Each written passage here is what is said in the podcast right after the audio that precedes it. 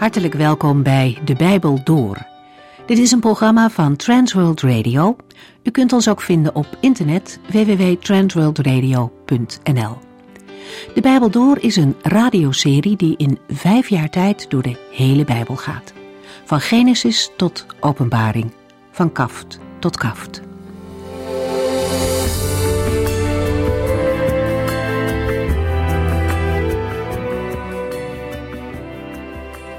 Inmiddels zijn we aangekomen in Efeziërs 1.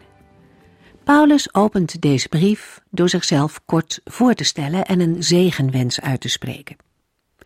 Je leest makkelijk over zo'n aanhef heen, maar het is mooi om toch even stil te staan bij de verschillende woorden die Paulus daarvoor gekozen heeft.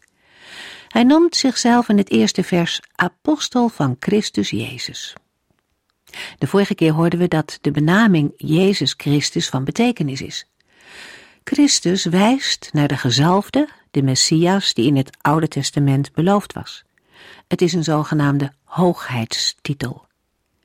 De eigenaam Jezus wordt gebruikt als het gaat om de historische persoon, om de mens die Jezus heette. En vaak wordt de naam Jezus gecombineerd met de titel Heer of Here. In de combinatie Jezus Christus of andersom Christus Jezus ligt de erkenning dat de mens Jezus de beloofde Messias van God is. Paulus kende Jezus niet alleen als mens, maar ook als de verheerlijkte Christus. En vervolgens noemt Paulus zijn doelgroep, de gelovigen in de stad Efeze die Christus Jezus trouw volgen. In het Grieks wordt het woord heiligen gebruikt in plaats van gelovigen. En dat zegt iets over de gelovigen. Heilig zijn is een eigenschap van mensen of zaken die bij God horen. Iemand die heilig is, is apart gezet voor God. Of, om het vanuit een negatief oogpunt te benaderen, iemand die heilig is, is afgezonderd van de zondige wereld. Heiligheid heeft alles te maken met toegewijd zijn aan de Heere. En dat daar geen zonde bij past, mogen duidelijk zijn. Paulus wenst de gemeente de genade en de vrede toe van God de Vader en van de Heere Jezus Christus. Dat is niet zomaar een wens, maar het is veel meer een zegen voor de gelovigen. Over het onderwerp zegen gaan we nu verder, Efeziërs 1 vanaf vers 2.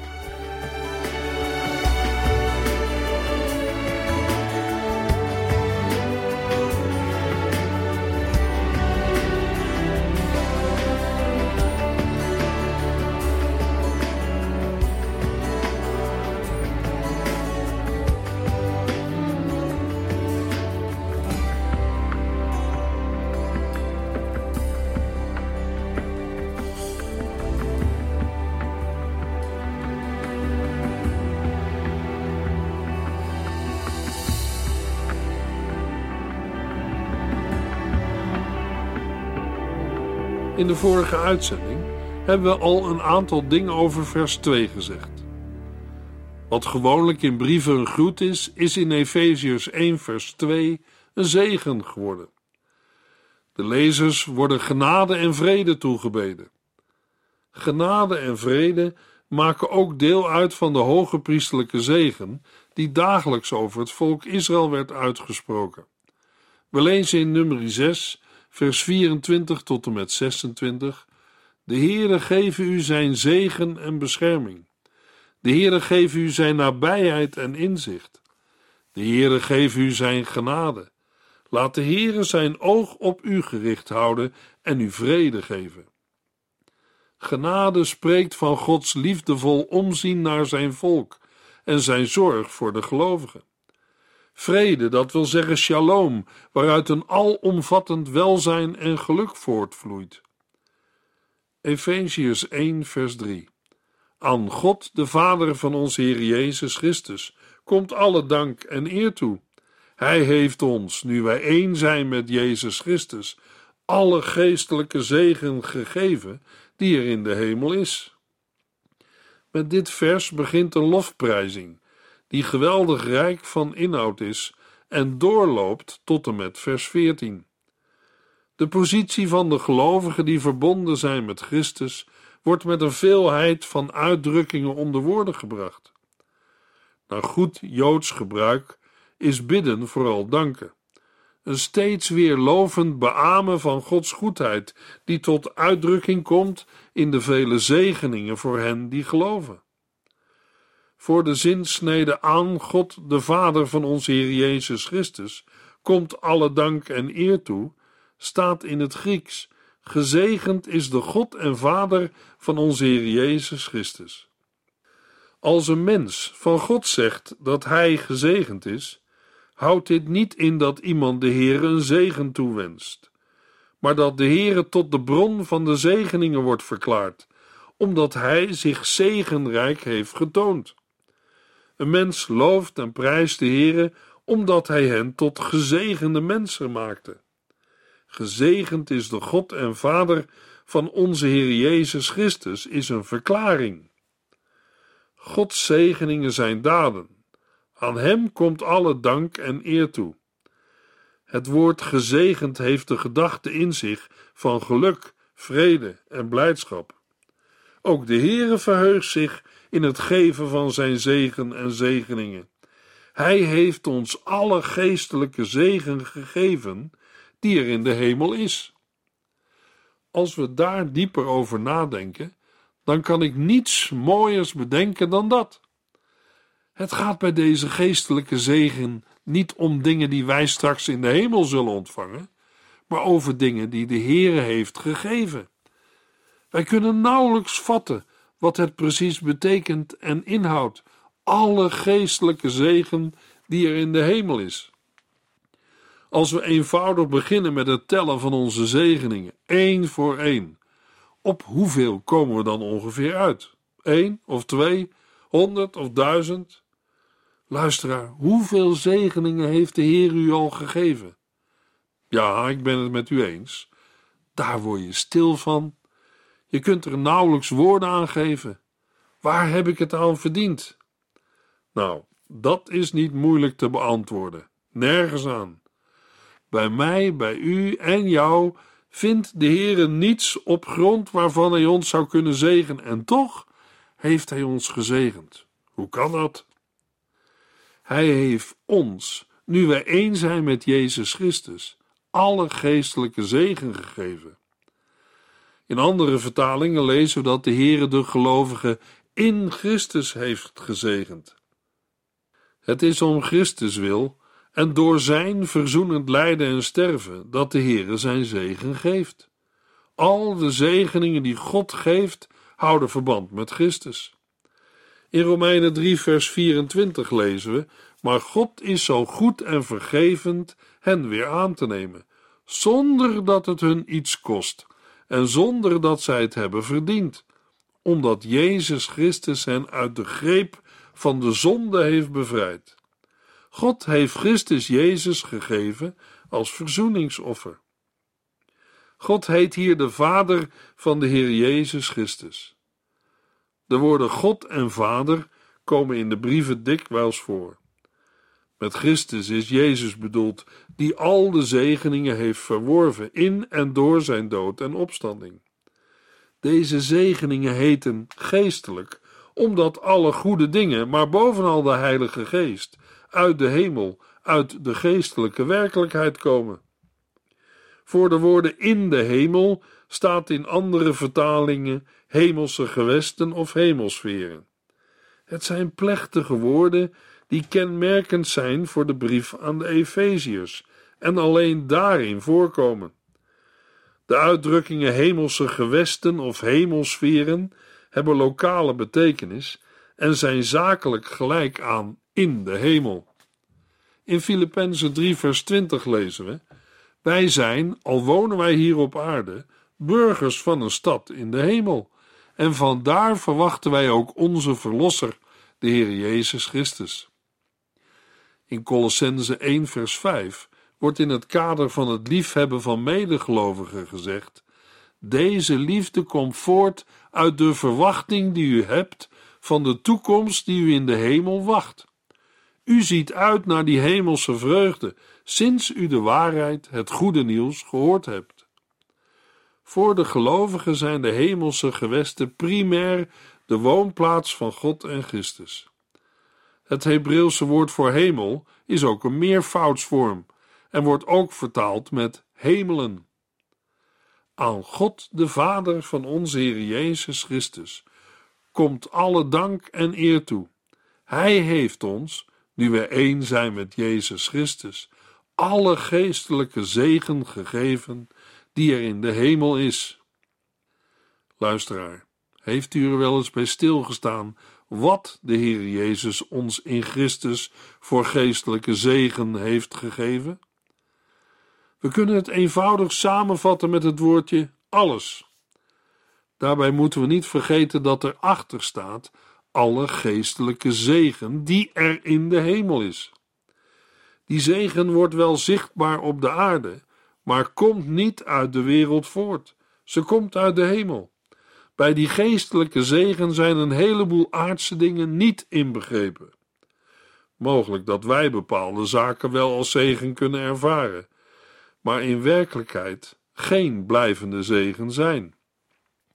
In Jacobus 1, vers 9 tot en met 12 lezen we: Een christen die in de wereld weinig aanzien heeft, moet er trots op zijn dat hij in Gods ogen groot is.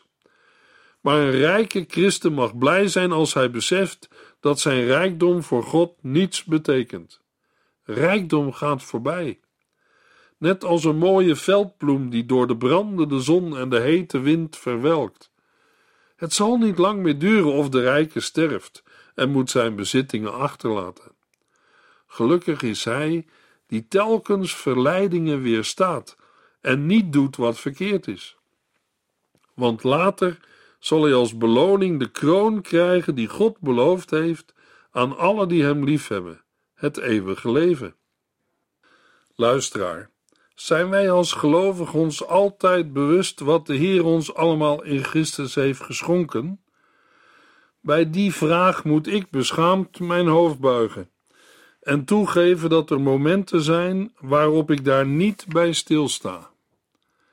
In 2 Korintiërs 1, vers 3 en 4 schrijft Paulus: Alle eer en lof is voor God, de Vader van ons Heer Jezus Christus, en de bron van alle liefdevolle hulp. Hij troost ons en geeft ons nieuwe moed in alle ontberingen en beproevingen. Hij doet dat opdat wij anderen kunnen troosten en bemoedigen. De hulp en zegen van de Heere is vaak van een andere orde dan veel mensen vandaag denken. In het vervolg van 2 Korintiërs 1 lezen we: Wanneer wij veel doorstaan, dan is dat om u Gods troost en redding te brengen. Maar God heeft ons in onze moeilijkheden bijgestaan. En dit is ook ter wille van u, om u uit onze ervaring te verzekeren dat God u zal troosten als u hetzelfde moet doormaken. Hij zal u kracht geven om vol te houden. Een ander aspect van Gods zegeningen lezen we in 1 Petrus 1, vers 3 tot en met 9. Alle dank en eer is voor de God en Vader van onze Heer Jezus Christus, die zo onvoorstelbaar goed voor ons is. Hij heeft nieuwe mensen van ons gemaakt door Jezus Christus uit de dood terug te brengen tot het leven.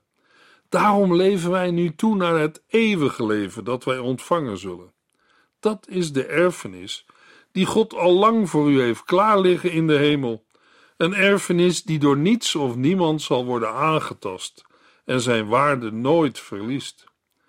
Omdat u op God vertrouwt, zal Hij u beschermen.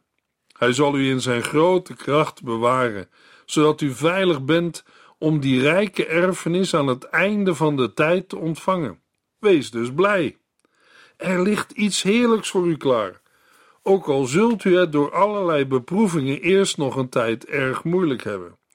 Door die moeilijkheden en problemen wordt uw geloof op de proef gesteld, zodat zal blijken of het echt is of niet.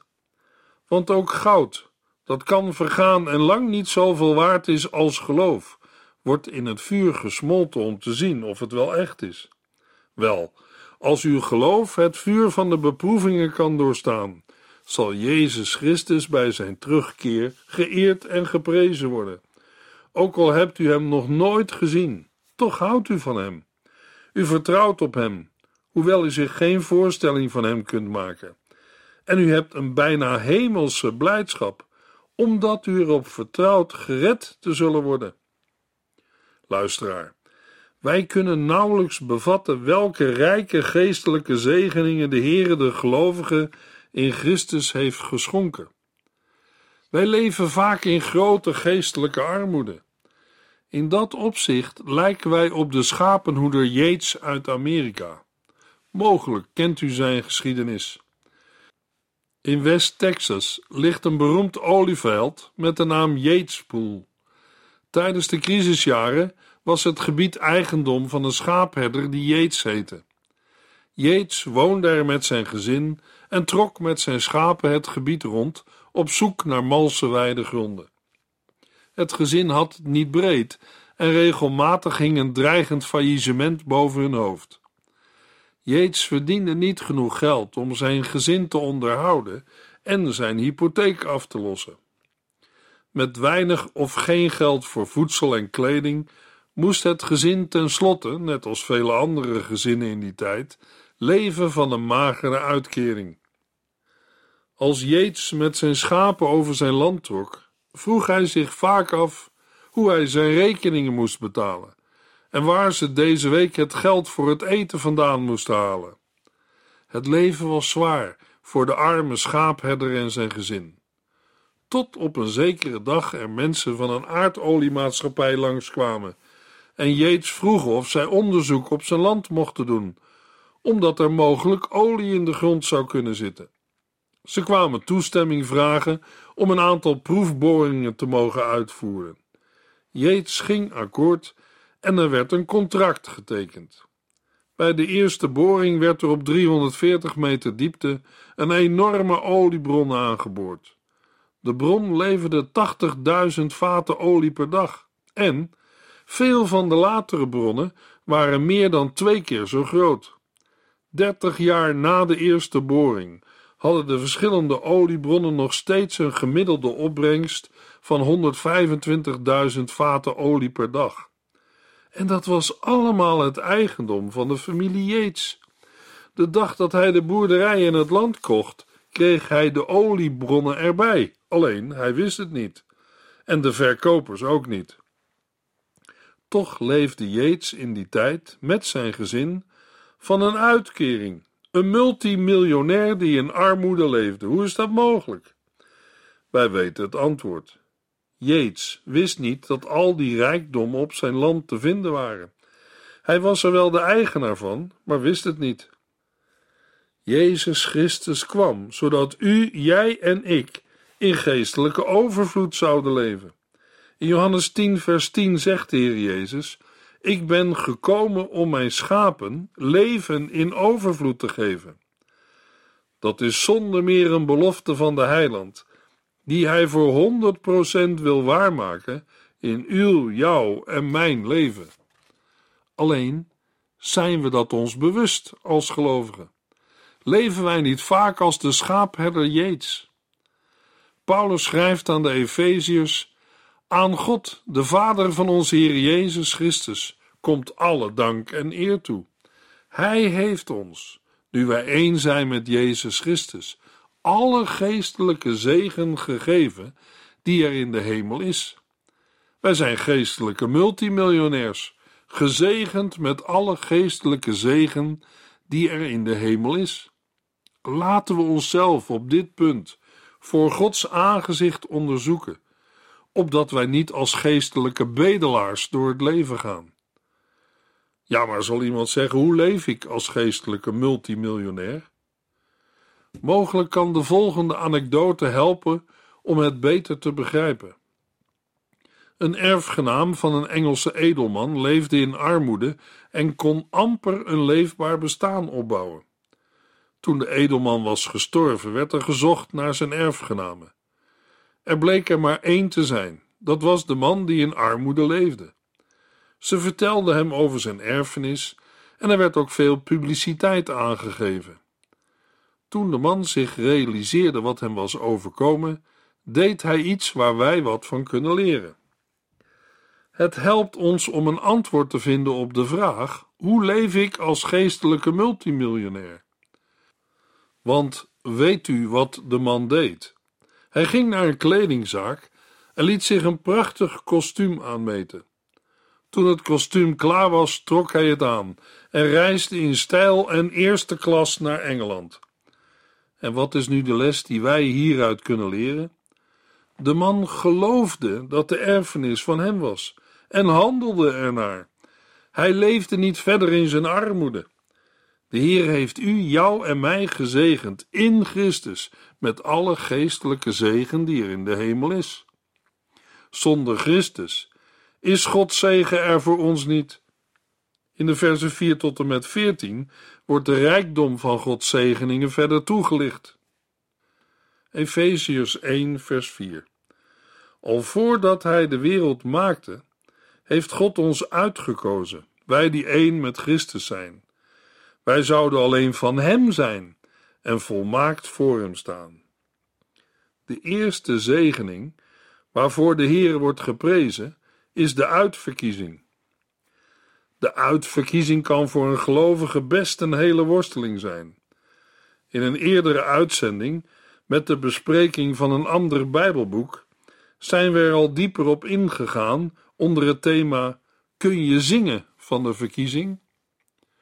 De apostel Paulus schrijft aan de gelovigen in 2 Thessalonicense 2, vers 13 tot en met 17.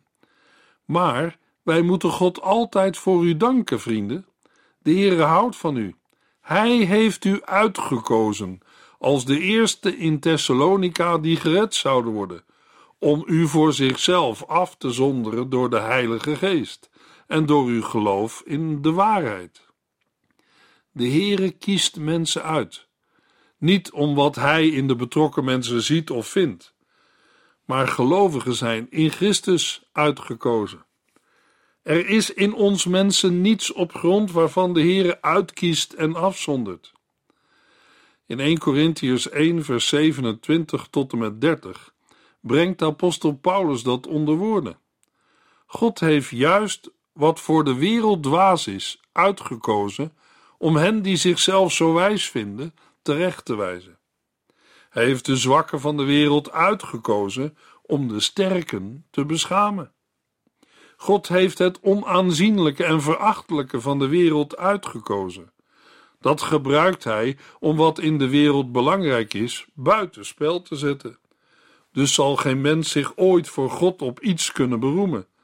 Dankzij God hebt u nu uw leven in Christus Jezus. Daardoor is Christus zelf wijsheid voor u geworden. Door Hem staat u rechtvaardig tegenover God en Hij heeft u apart gezet en bevrijd. Niemand kan voor het aangezicht van de Heere eigen verdiensten aanvoeren, op grond waarvan de Heere hem of haar toegang geeft tot zijn hemelse heerlijkheid. Het maximale dat de mens kan aanvoeren, ook al gaat hij al jaren naar de kerk, valt onder de categorie dwaas, zwak, onaanzienlijk en verachtelijk. Dus zal geen mens zich ooit voor God op iets kunnen beroemen. Alles wat een gelovige heeft ontvangen, leven, wijsheid, gerechtigheid, bevrijding en apart gezet zijn, is er dankzij God in Jezus Christus. Efeziërs 1 vers 4 maakt duidelijk dat de verkiezing aan de schepping is voorafgegaan. En de verkiezing primair grondvesting van ons bestaan is en niet het daaropvolgende maken van de wereld. De uitdrukking maken van de wereld, of het begin van de wereld, of voor het ontstaan van de wereld, vinden we ook op andere plaatsen in de Bijbel. De verkiezing van de gelovigen komt tot vervulling als zij voor het aangezicht van de Heere staan. Dat wil zeggen, als zij voor Gods troon staan bij het oordeel, dan zal blijken dat de gelovigen heilig en onberispelijk zijn, dat wil zeggen, volmaakt. Dan zullen de gelovigen de volmaaktheid ontvangen, een heiliging die nu al door de Heilige Geest in hen wordt gewerkt volmaakt, heilig en onberispelijk, waren van ouds de eisen waar de offers aan moesten voldoen. Wat voor de Heer is, moet goed zijn, heilig en onberispelijk. Ook het leven van een christen wordt voorgesteld als een offer, bijvoorbeeld in Romeinen 12, vers 1. Laat uw lichaam een levend offer zijn, heilig, zodat het een vreugde voor God is. De verkiezing in Christus komt in het leven van de gelovigen tot uitdrukking in een anders zijn, een onderscheiden zijn van de wereld. Luisteraar, kunt u zingen van Gods verkiezing? Misschien een vreemde vraag, zo aan het slot van deze uitzending. Want de meeste mensen gaan niet zingen bij het woord uitverkiezing of verkiezing. Maar waarom wordt dat door veel mensen zo ervaren? Sommigen denken bij het woord verkiezing aan een nest met jonge katjes. Er worden er maar een paar uitgekozen. Die hebben geluk gehad en de andere pech. Die moeten verdwijnen. Inderdaad, als dat de verkiezing is, dan kan een mens er niet van zingen. Dat is een vreselijke zaak. Stel u voor dat u een van die niet gekozen jonge katjes bent. Je moet er niet aan denken. Maar in het Nieuwe Testament zijn de uitspraken over de verkiezing vaak omgeven met lofzangen.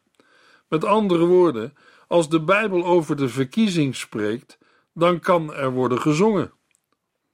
Waarom? Omdat al voordat Hij de wereld maakte, God ons heeft uitgekozen, wij die één met Christus zijn. Christus is Gods grootste zegen. Al het andere dat Paulus in het vervolg nog opsomt, komt uit die zegen voort. Wat dat allemaal mag zijn, maakt de apostel duidelijk in het vervolg van Efeziërs 1. In vers 5 de aanneming als zijn kinderen. In een andere vertaling lezen we het zoonschap. In vers 7 de verlossing door zijn bloed, de vergeving van onze zonden.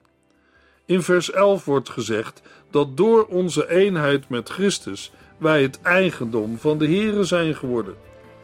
Dat is altijd de bedoeling geweest. Een mens kan zingen van de verkiezing. Het mag zelfs. En het wordt nog beter. De Heere verwacht het. Wij doen de Heere tekort als we het niet doen. In de volgende uitzending gaan we verder met Efeziërs 1.